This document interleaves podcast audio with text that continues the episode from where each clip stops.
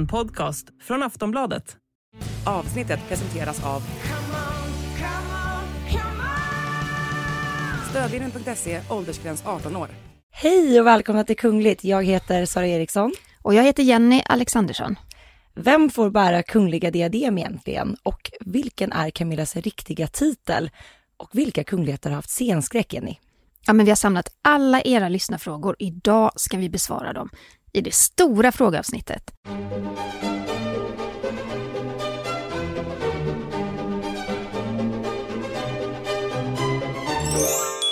Och bara så att ni vet så har vi spelat in det här på förhand.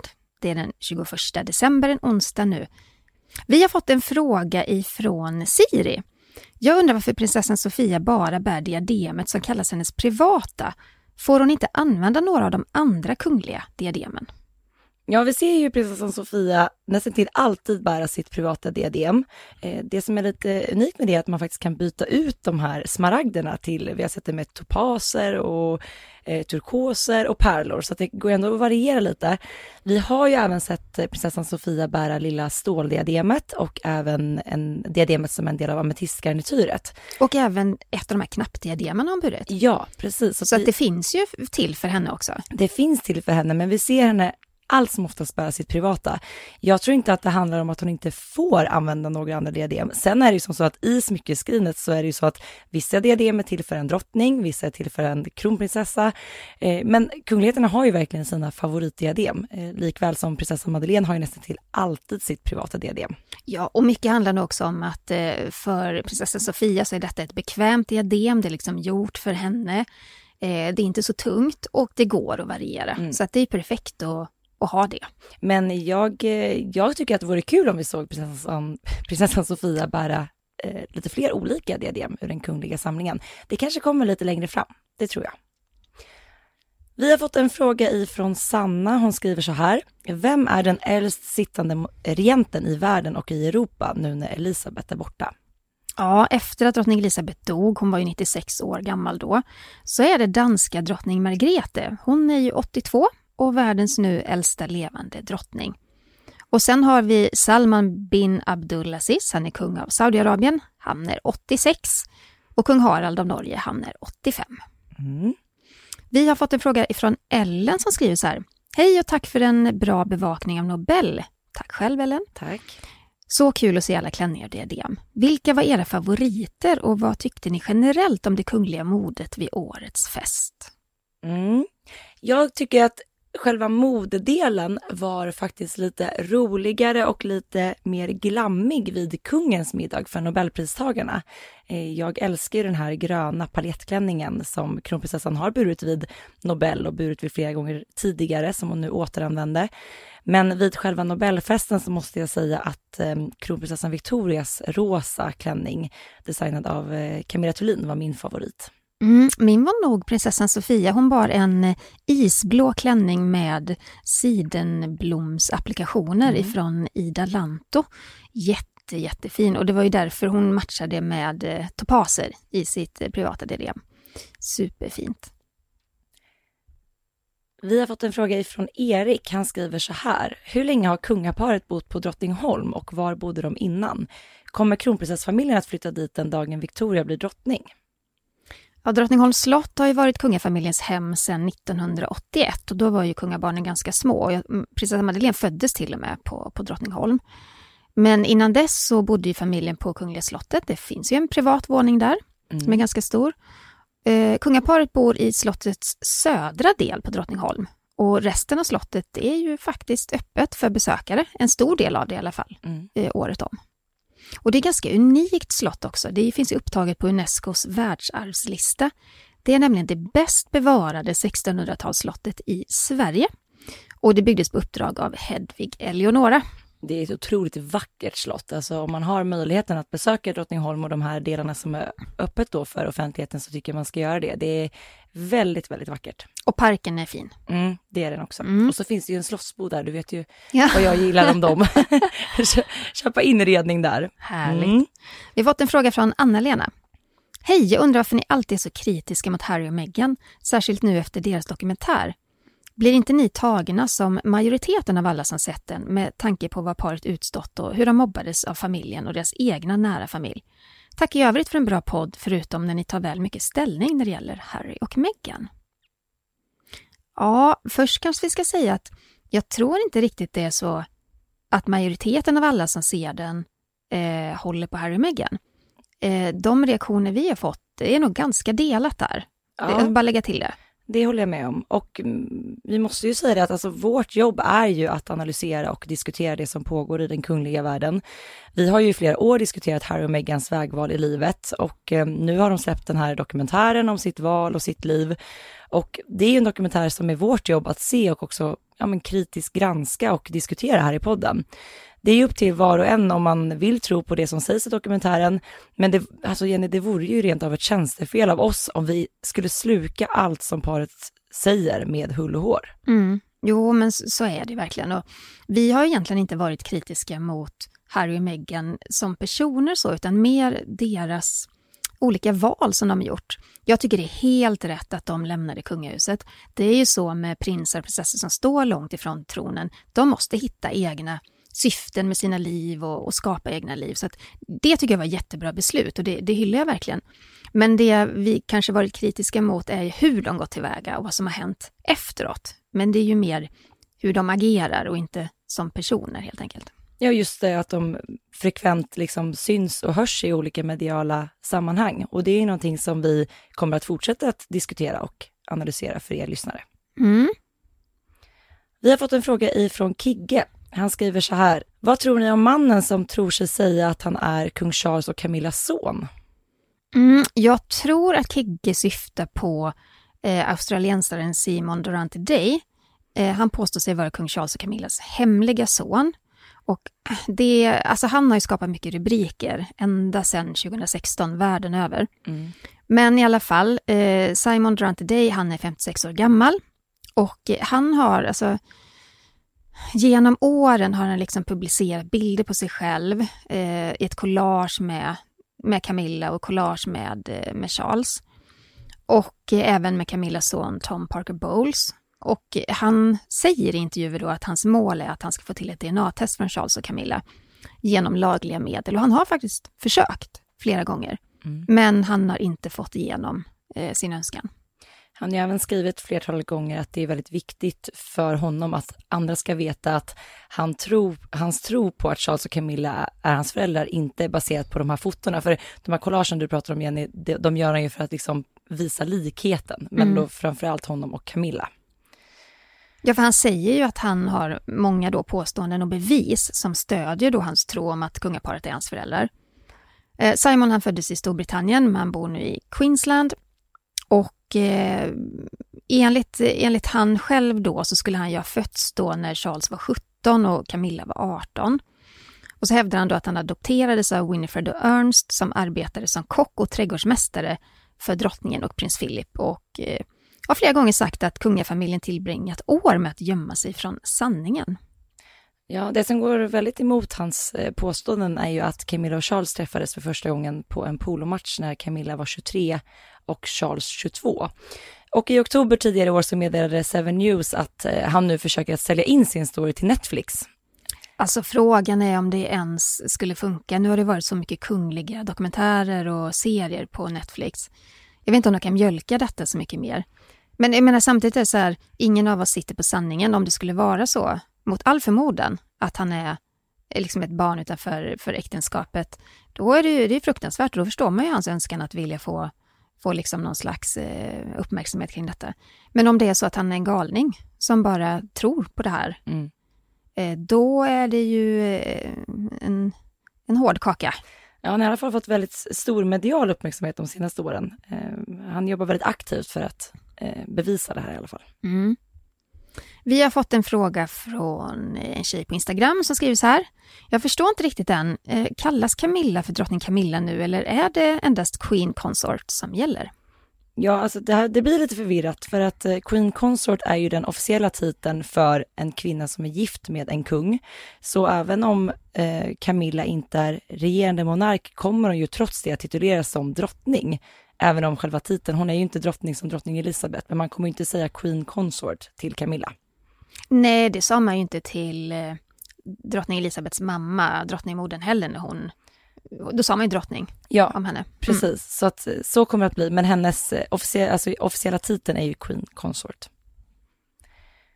Vi har fått en fråga ifrån Sanna som skriver så här, vilka juveler är de mest värdefulla i Europas kungahus? Åh, vilken härlig fråga. Mm. Nej, men det är ju så här, de flesta juvelerna inom kungafamiljerna är ju ovärderliga. De har funnits i de här familjerna i många hundra år.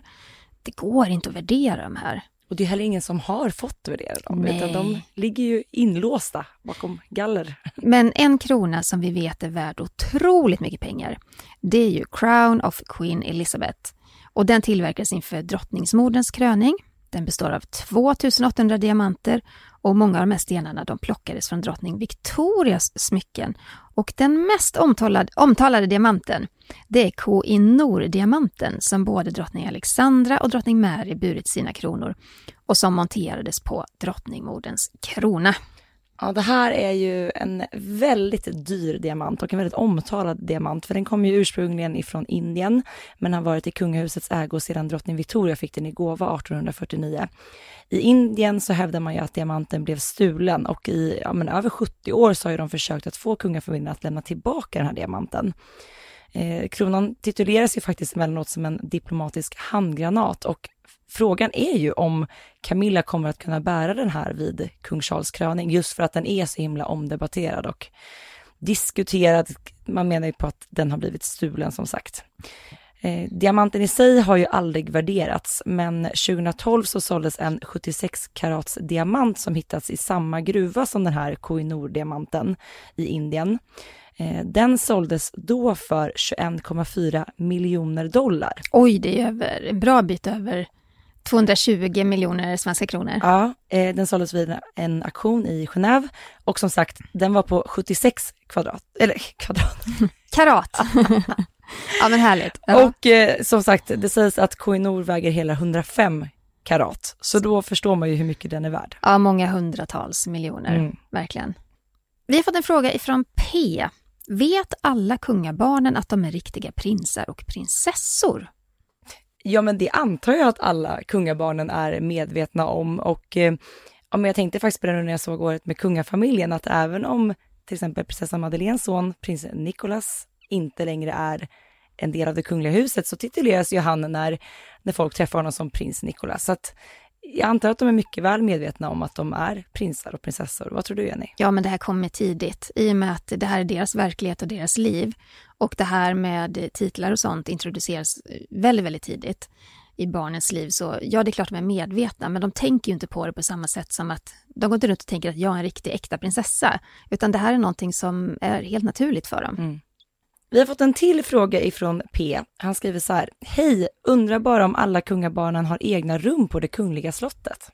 Nej, det skulle jag nog säga att de inte har. För Kungliga slottet då i Gamla stan, det är ju mer representationsslott nu. Det finns privata våningar, det gör det absolut, men jag tror inte att det är så att alla kungabarnen har fått ett eget eh, privat rum där. Det tror jag inte. Vi har fått en fråga från Malin. Vilken är den otrevligaste och drygaste kungligheten som ni har träffat? Det måste jag nog bolla över till dig Jenny, för jag har inte träffat så många kungligheter. Så för mig är det svårt att Oj. besvara den. Nej, men det här är ju jättesvårt, för att det är ju också så när kungligheter träffar representanter från medierna, då visar de oftast upp sitt allra bästa jag. För att det, det är ju goodwill och, och PR liksom att vara trevlig helt enkelt, Mm. när man ska bli intervjuad eller när man liksom ska mm, hälsa på någon. Nej, jag tror aldrig jag varit med om att någon varit otrevlig. Du har inte varit med om något tillfälle där du har blivit lite så här paff i Nej, stad, jo men det eller? var väl kanske, jag var med kronprinsessan i eh, Förenade Arabemiraten för många, många år sedan. Och då vet jag att hon hade någon så här, något kort möte med någon eh, av de här arabiska prinsarna. Han var väl ganska ointresserad, han verkar inte jätteengagerad. Och det kunde väl kännas lite, om, om det ska klassas som lite otrevligt så var det väl det då liksom. Men, men annars, nej, jag tycker alla, alla skärper till sig som attan liksom när pressen är i närheten. Så att jag tror inte, nej jag inte De är också väldigt medvetna såklart om att om de inte skulle vara trevliga och rent ja. av otrevliga så hade ju det kommit ut. Så det hade ju inte varit ett så smart drag. Nej men verkligen, så är det ju. Eh, vi har fått en fråga från Leonor som skriver så här. Vilken skola går prinsessa Madeleines barn i? Ja, prinsessa alltså, Madeleines barn går ju i en lokal skola i Florida. Vilken vet vi inte och eh, jag vet att när Expressen ställde frågan till hovets informationschef eh, Margareta Thorgren, då svarade hon att på grund av att prinsessa Madeleine bor i utlandet så vill de inte gå ut med exakt vilka skolor som barnen går i, utan de delar den informationen gällande kungabarnen som bor i Sverige, men inte prinsessa Madeleines barn. Malin har ställt en fråga här. Hon skriver så här. Finns det någon kunglighet med scenskräck eller tränas de att hålla tal från väldigt ung ålder? Det är klart att det finns kungligheter med scenskräck, så är det ju. Eh, men man hanterar det på olika sätt. Kronprins Fredrik av Danmark, han hade ju svårt för offentligheten och rollen i början. Han kände sig inte alls bekväm och han har ju berättat att han var, han var osäker och ingen riktigt förklarade vad som förväntades av honom. Och de danska medierna de skrev på 80-talet att Fredriks lillebror, prins Joakim, var en mycket bättre kandidat till tronen. Och det är klart att det sätter sig på självkänsla och, mm. och så vidare. Prinsessa Märta-Louise, hon mådde inte heller bra i stora officiella sammanhang, trivs inte alls i det. Prins Carl Philip är inte heller särskilt bekväm. Han är väl inte heller jätteförtjust i att hålla tal, har väl fått en del liksom. I och med att han har dyslexi så har han ibland lite problem med att formulera sig. Och så har han fått rubriker då liksom i pressen. Men, men jag tror att det som är skillnaden för alla de här ja, men direkta tronföljarna som vi ser i nu till exempel, eh, Ingrid Alexandra i Norge och Katarina Amalia i, i, i Nederländerna och sådär, det är att från dag ett så skolas de in i den här rollen. De ges inte riktigt utrymme för att utveckla scenskräck heller, för att när man danas in i detta från, så, ja, från småbarnsåren, så blir det en vana. Det, det blir naturligt. Mm. Sen kan man ju tycka mer eller mindre om det, så är det ju såklart som, som kronprins Fredrik där, han var ju inte alls förtjust. Men, men det är klart att det idag finns alla möjligheter att eh, få ett barn att trivas i den rollen. Och det blir också lite direkt svar eh, på, på, frågan om de tränas att hålla tal. Det är såklart ja. att det är en del av det här att, att tränas inför rollen som en framtida Ja, alltså kronprinsessan hade ju Margareta Krok eh, från Dramaten som, eh, som liksom hjälpte henne hålla tal inför 18-årsdagen, så att det finns alla möjligheter, det mm. gör det. Vi har fått en fråga ifrån Pierre. Hur kunde så många tidningar tro på ett rykte om en skilsmässa mellan Victoria och Daniel? Det var ju ett anonymt tips ju. Ja, eh, det var det och det här eh, eldades ju på ganska så rejält under, eh, kanske var en fyra veckors period. Och eh, jag skulle säga att den, den mesta ryktesspridningen skedde ju faktiskt i sociala medier. Eh, där var det ju som allra mest eh, där man eldade på de här ryktena. Och eh, de blev ju så pass, pass stora och allvarliga att hovet tog beslutet att gå ut med en dementi den 19 februari i år. Och det är ju väldigt ovanligt att man väljer att göra det ifrån kungahusets sida. För att så fort man liksom dementerar eller kommenterar så sätter man också lite strålkastarljuset på det. Strålkastarljuset och kanske lite sanning i orden på ett sätt. Alltså man, om man inte kommenterar det så finns det ju inte på mm. ett sätt. Så att det var ju väldigt stort att vi fick den här dementin ifrån hovet. Men det var ju väldigt nödvändigt också, för de behövde ju sätta stopp i och med att ja, ryktesspridningen blev så pass stor Ja, och sen, sen tror jag liksom när det blir ett sånt, en sån ofantlig svallvåg av uppgifter. Vi hade ju jättemånga tipsare som ringde in till oss och hade väldigt seriösa tips om det ena och det andra. Alltså, och så källor som, som, som vi visste liksom. Eh, och allting var ju bara luft. Mm. Eh, men, men jag tror att när det så här eldas på i en sån här virvelvind så, så vill man ju som medie inte vara den som Eh, inte tar det på allvar. Så jag tror också det var det som gjorde. Sen var det så att inga etablerade medier skrev om detta, för det fanns ingenting att ta på. Och jag vet att eh, ja, men jag och många av mina kollegor, vi, vi ringde runt till alla våra källor och, så här, och det fanns inget konkret. Och då, då följer allting som ett, eh, som ett korthus till slut, liksom, för det fanns ingenting att publicera kring det där. Men det var, eh, som, som Pierre säger då, liksom, det var ju eh, massa anonyma tips. Ja, men det var också tips, kan jag ju säga då, som kom från källor vi kände väl till. Liksom. Mm. Eh, men de hade nog i sin tur också liksom, eh, snurrats upp i den här virvelvinden liksom av, eh, av uppgifter och, och, och skvaller och allt vad det var inblandat i det där. Ni vet ju under den perioden fick vi enormt många frågor hit till podden gällande det här. Eh, men som sagt, som du sa Jenny, vi valde att inte ta upp det med att det fanns ju ingenting att ta på. Nej, men det var, det var, hade det funnits någonting konkret, det är klart att man hade kunnat eh, spinna vidare på det på något sätt, för att det handlar liksom om eh, Sveriges framtid, alltså monarkins framtid, det handlar om en tronföljare och så här. Men det, det, det var ingenting, det fanns ingenting och då, eh, nej men då faller det. Mm. Eh, så, så det är nog svaret på din fråga, Pierre. Pierre har ställt ytterligare en fråga där han skriver så här, vilken kunglig skandal har överraskat dig mest? Oj! Alltså det var, det var nog en överraskning det här med skilsmässoryktena, det var det ju. Men jag tycker också, jag, jag blev faktiskt ja, överraskad. Ja, jo men kanske att det här med prins Andrew var så allvarligt. Att det ledde till, till rättegångar och rättsprocesser. Det var ju, jag hade aldrig kunnat föreställa mig att en prins av det brittiska kungahuset skulle kunna bete sig så illa, faktiskt. Mm. Så det, det var nog, den skandalen var nog eh, lite speciell faktiskt. Du då?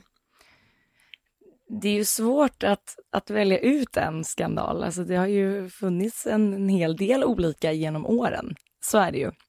Men jag håller med dig Jenny, hela den här prins Andrew och Jeffrey Epstein-härvan, det har liksom, när man trodde att så här, nu, nu kan det nog inte bli värre, det kan inte vara mer, så kom det fram nya uppgifter så att det liksom växlades hela tiden upp som någon form av tsunami under de här två åren som det har pågått.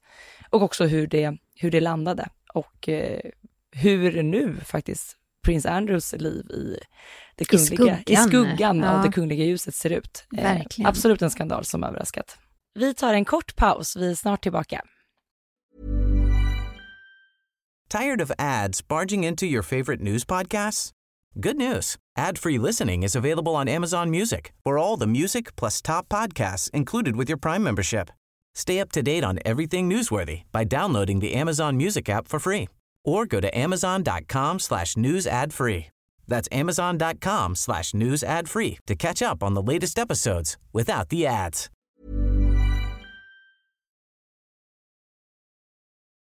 Och nu är vi tillbaka. Det här är en spännande fråga också. Kristoffer undrar, vilken avliden kung eller drottning skulle ni velat träffa? Sara, du får börja. Nej, men jag måste ju såklart svara drottning Elizabeth. Det hade ju varit magiskt att få ta en GT med eh, drottning Elizabeth och prata, alltså förstå hur mycket hon har sett och hur många människor hon har mött. Att få liksom höra om hennes liv i en liksom personlig berättelse. Det hade jag tyckt varit, eh, jag hade gärna velat upplevt det. Och sen även eh, vår kungs farmor, prinsessa Margareta, eh, dels på grund av hennes koppling då till det brittiska kungahuset, hon var ju barnbarn till drottning Victoria av Storbritannien, men också så här alla hennes de här konsttalangerna, både när det kommer till liksom målningar och trädgårdskonst som vi ser fortfarande i Sverige, inte minst i Sofiero. Hon verkar ha varit en väldigt så snäll och omtänksam person. Hon var ju väldigt engagerad för andra människor långt utanför hennes egen och framförallt slottets kretsar.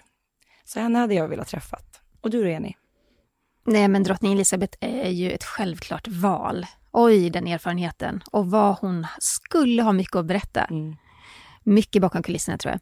Men eh, någon jag verkligen också skulle vilja sitta ner och prata med, det är drottning Ingrid av Danmark, för hon var ju svensk prinsessa och gifte sig eh, in i det danska kungahuset.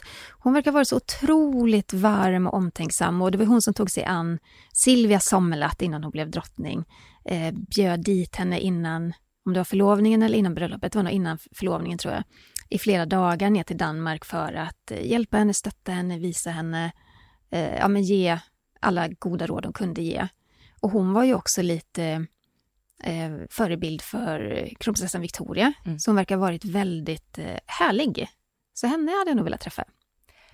Vi har fått en fråga från Marika som skriver så här. Tror ni att kung Charles tar bort Harry och Meghans hertig och hertiginna-titel? Nej, det tror jag inte. Men de får inte längre använda sina hans eller hennes kungliga höghetstitlar, så det vet vi ju. Men de här hertig och hertiginnetitlarna, nej, det, det tror, alltså jag tror han kommer få ha kvar dem. Det skulle nog mycket till om eh, kung Charles skulle besluta sig för att eh, helt strippa dem på, på kungliga titlar. Det är mycket status i de här titlarna. det skulle vara ett sånt dråpslag mot paret och också en ja, men lite så förnedrande beslut för dem om kungen tar. Så att nej, det tror jag inte. Och Harry och Meghan använder ju också de här titlarna väldigt ofta i kommersiella sammanhang. Eh, vilket de egentligen inte får. Vilket de egentligen inte får, men de gör mm. det. Så det skulle väl kanske vara om det uppstod en diskussion kring hur de väljer att använda dem, nu när vi har sett dem. Men jag menar, nu har vi redan sett dem på poddomslag, eh, serier, intervjuer hos Opera, mm. tidningsomslag, så att de har redan använt dem ganska så rejält och de har fortfarande kvar dem, så att jag skulle bli förvånad om de rök nu. Mm. En fråga från Mimmi som skriver så här, tack för en bra podd. Tack själv Mimmi. Vad har varit mest spännande att rapportera om i år? Jo, men jag måste återkomma till det här med prins Andrew och våldtäktsmålet. Det har varit mycket, mycket intressant att följa. Det har varit så många turer fram och tillbaka. Och jag tänker också på den här omtalade tv-intervjun med BBC där prinsen faktiskt satt och ljög. Och det fick jag mycket kritik för. Men sen tycker jag också det varit oerhört intressant att följa prinsessan Haya av Dubai och hennes historia. För hon flydde ju från emiren av Dubai efter att ha blivit trakasserad och ja, men verkligen dödshotad. Hon flydde med sina två barn till London. Hon hade med sig 300 miljoner kronor, så hon flydde inte fattig. Men eh, det blev en lång rättsprocess där emiren då fortsatte att hota sin exfru. Eh, han avlyssnade hennes telefoner, han, ja, men han gjorde vidriga saker och han slogs då mot henne för att få vårdnaden om barnen. Men prinsessan Haya vann mot en av världens rikaste och mäktigaste män och det är en sån triumf. Mm. Eh, men sen tycker jag också att det, det, har varit intressant att följa svenska kungafamiljens engagemang för ukrainska flyktingar. Eh, just för att eh, det blev en väldigt stor fråga. Kungen och kronprinsessan har ju haft det här med flyktingar på sin agenda sedan 2015. Eh, när många syriska flyktingar kom hit. Och de har inte släppt det. Och de har haft eh, möten på hovet, de har besökt organisationer, de, alltså kungen har talat mycket om detta. De besökte ju det här flyktinglägret eh, Satari i Jordanien, det är Mellanösterns största flyktingläger med syriska flyktingar. Eh, och jag var med på plats där, så att jag måste säga att det har också varit väldigt, väldigt spännande att följa. Du då Sara? Nej, men jag håller ju såklart med om det du, du redan har nämnt, för det är ju väldigt så stora händelser under året. Eh, man kanske inte kan kalla det för spännande att rapportera om, men såklart hela drottning Elizabeths död var inte spännande, men det var ju en otroligt stor grej. Vi kommer liksom aldrig någonsin mer vara med om någonting, en så stor världshändelse. Och det var ju verkligen en era som gick i graven och att man har pratat i alla dessa år om vad händer den dagen drottning Elizabeth dör? Hur blir Charles kung? Allt det här har man liksom bara pratat om inför den dagen det händer och helt plötsligt i september så händer det. Och det var bara, det var verkligen ja, en historisk händelse som man har Ja, du var ju på plats i London Jenny och jag satt, vi gjorde ju sändning ihop och jag satt här i studion och det var ju svårt såklart att inte bli tagen av det när man ska hålla sin liksom, professionella roll. Men det här London Bridge, Operation London Bridge, vi har sett den förverkligas det här året och det var stort. Och kanske också för att det blev en sån kontrast, för bara några månader tidigare där i juni mm. så var ju du och jag i London och bevakade tronjubileet när drottning Elizabeth suttit 70 år på tronen. Mm. Alltså 70 år på tronen. Det var en folkfest. Det kommer vi aldrig heller uppleva igen. Det var ju, det var ju lite stycke historia vi var med om. Både tronfesten ja. eh, och sen begravningen. Och jag tänker att det måste man också benämna liksom som en spännande sak att rapportera om. Att vi fick vara på plats i London och följa den här folkfesten och hylla drottningen för hennes 70 år. Det var verkligen, alltså jag kommer aldrig glömma det. Jag kommer liksom komma ihåg på detaljnivå vad vi upplevde och alla de här människorna vi träffade och pratade med och liksom folk hade rest från hela världen för att vara på plats i London. Och, och sen typ eh, halv ett på natten så satt vi på ditt hotellrum och skulle spela in ett poddavsnitt. Man hör på våra röster att vi är lite trötta. ja, det var verkligen en upplevelse. Och när vi inte fick vara kvar vid Towern i London. Ja, ja men gud. En gal, alltså inte galen, han hade sina skäl säkert, men en säkerhetsvakt kom fram till oss och sa att vi får inte ta upp ljud Nej. med vår bandspelare vid Towern. Nej. Väldigt märkligt. Ja. ja, men det har varit, när man börjar tänka på det så har det hänt en hel del det här året. Eh, så det var väl en ganska bra sammanfattning av det som verkligen stuckit ut och varit extra spännande att rapportera om. Vi har fått en fråga ifrån Torund som skriver så här. Skulle en person med handikapp, typ hjärnskada, få ärva tronen? Och vi får ju ofta mycket frågor kring det här med tronföljd och vad händer om ett barn är si eller ett barn är så. Eh, om, alltså det man kan ta fasta på är ju att en, en person måste kunna utföra ämbetet, eh, måste vara så pass mycket med att eh, man har en förståelse, en, ett an, känner ett ansvar, kan utöva alla de här sakerna som krävs av ämbetet. Men, eh, men alltså ett, ett, en funktionsvariation skulle ju inte sätta käppar i hjulet eh, om det inte är så att personen är så pass eh, illa däran att, att det inte går att genomföra. Mm. Så kan man ju säga. Ja. Eh, vi har fått en fråga från Heida. Hon skriver så här. Får prinsessa Madeleine apanage? Hon bor ju i USA, hon har inte så många uppdrag. Ja, prinsessa Madeleine hon tar ju endast del av apanaget när hon utför kungliga uppdrag för det kungliga huset. Och som eh, hon skriver här så ja, hon bor i USA och hon, eh, vi ser henne inte så ofta i de kungliga sammanhangen, utan de gångerna hon är med och utför uppdrag för det kungliga huset så får hon ta del av det. Så i praktiken så, så är det ju så att hon kan lämna in eh, flygbiljetter och kvitton på klänningar? I stort sett. Och så får hon, så får hon eh, peng, alltså ersättning för det. Ja, Kanske ett litet arvode för att hon eh, gör, utför ett jobb. ja, Ja. krasst så är det så. Ja. Mm. Vi har fått en fråga ifrån Ketty som skriver, varför var inte Ingrid Alexandra med på Nobels fredspris? Hon är ju myndig nu. Ja, hon hade väl självklart kunnat få vara med där, eh, såklart. Men, eh, men det är ju också så att eh, Ingrid Alexandra, hon, hon pluggar och går i skolan. Det kanske inte är jättelätt, eh, vi vet. Vi som har barn vet att det är skolplikt och det krävs en hel del liksom. Eh, kanske finns massa andra saker som gjorde att... Eh, delas ju också ut faktiskt mitt på dagen. Ja, Eh. så det kanske finns massa andra eh, saker som gör att hon var upptagen också.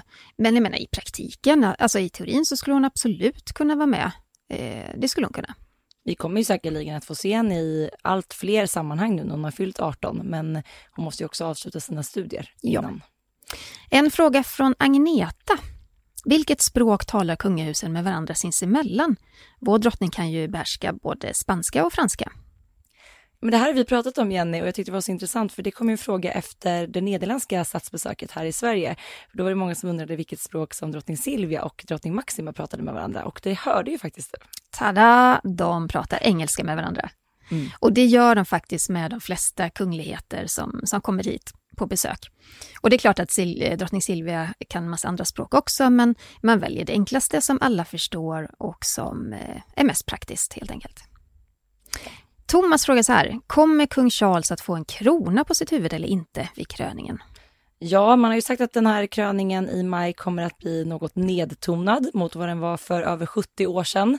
Men eh, den kommer ju fortfarande att innehålla vissa av de här inslagen. Eh, bland annat då så kommer han att eh, bära de här två olika kronorna som ingår i kröningsceremonin.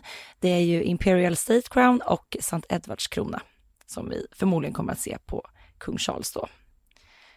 Mm, vi har fått en fråga ifrån Vilma också. Tror ni att det var prins William som postade på Instagram, på deras officiella Instagram alltså? Grattis till Messi med en get som emoji. Det var efter VM-finalen i, i fotboll.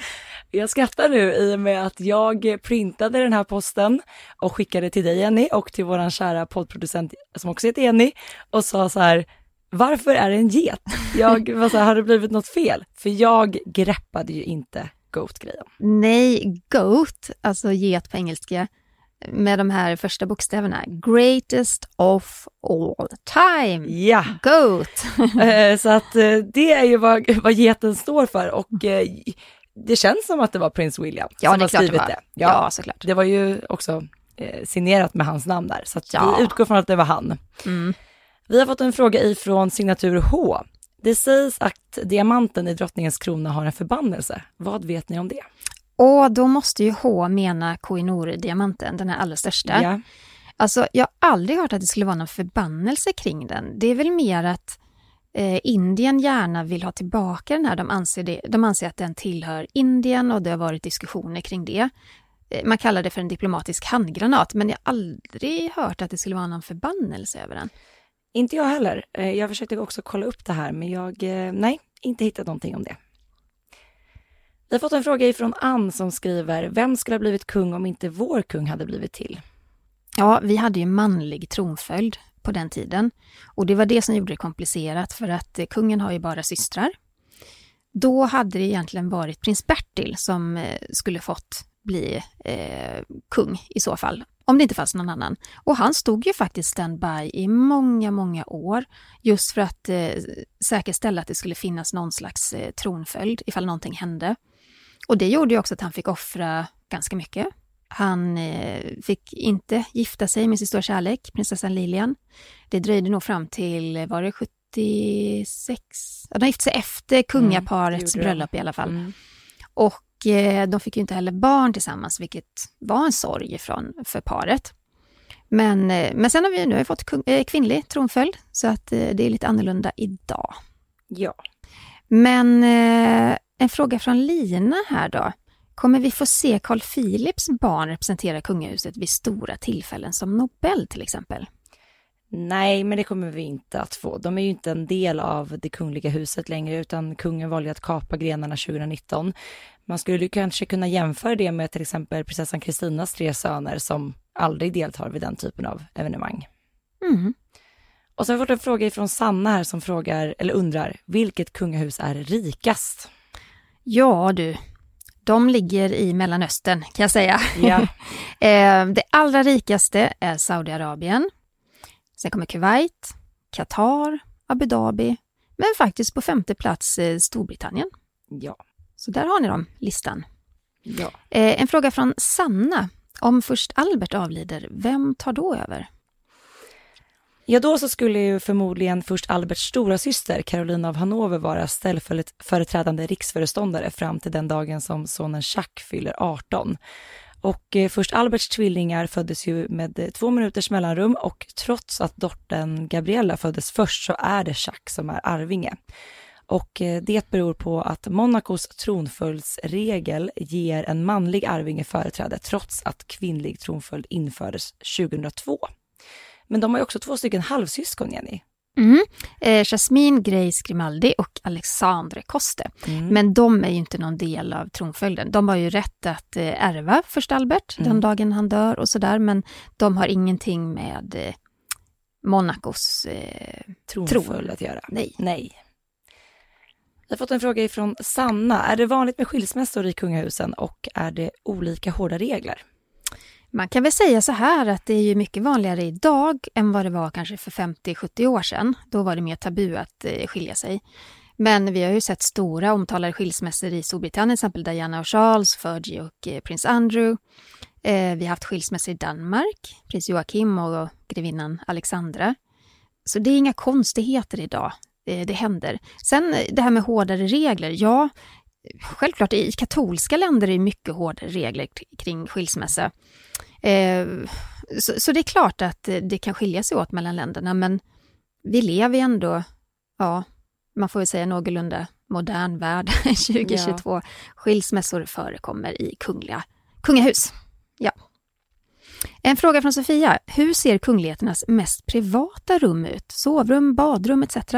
Kan de också gå runt i pyjamas hemma och mysa?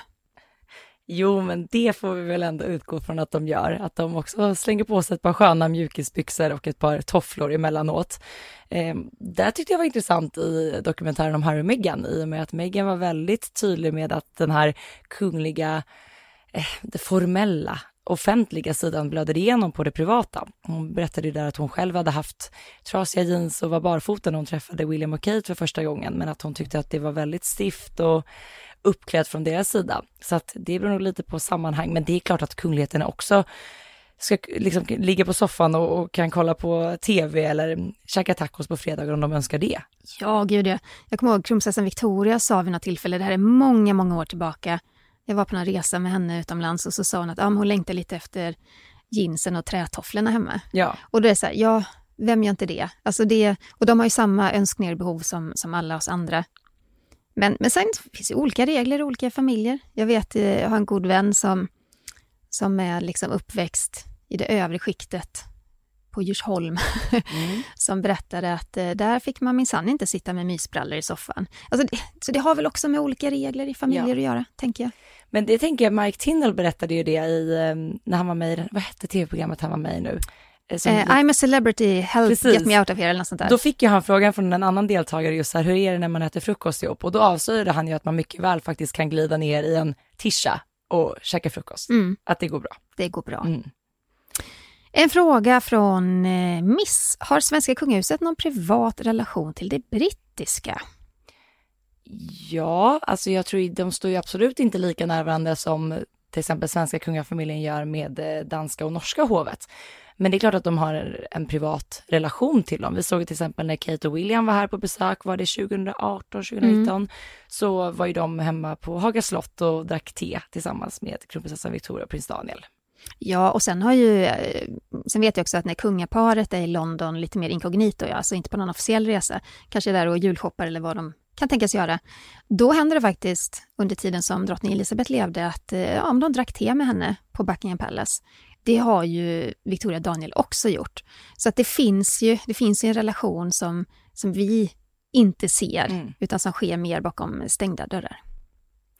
Vi har fått en fråga ifrån Oliver som skriver, jag vill veta mer om svenske Tim Westerberg. Vem är han och hans fru och var bor de?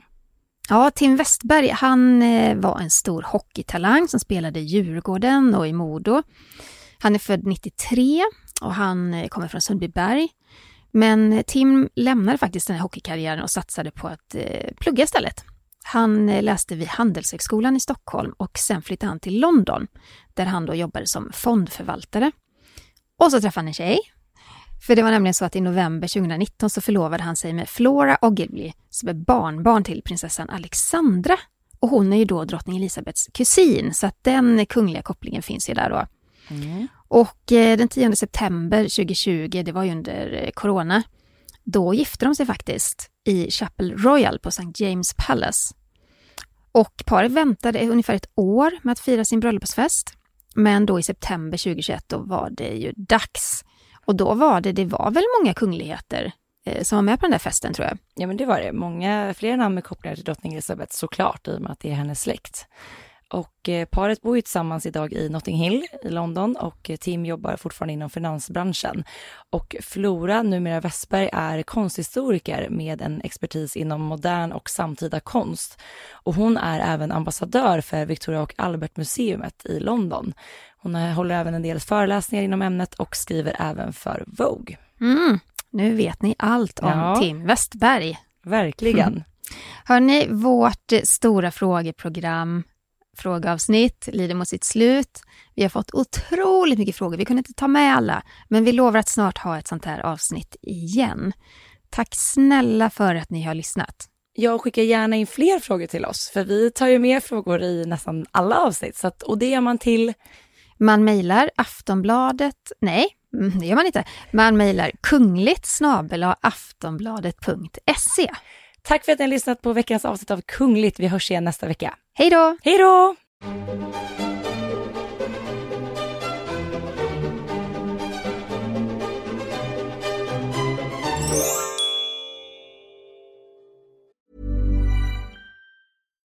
Millions of people have lost weight with personalized plans from Noom, like Evan, who can't stand salads and still lost 50 pounds. Salads, generally, for most people, are the easy button, right? For me, that wasn't an option. I never really was a salad guy. That's just not who I am. But Noom worked for me. Get your personalized plan today at Noom.com. Real Noom user compensated to provide their story. In four weeks, the typical Noom user can expect to lose one to two pounds per week. Individual results may vary. Du har lyssnat på en podcast från Aftonbladet. Ansvarig utgivare är Lena K Samuelsson.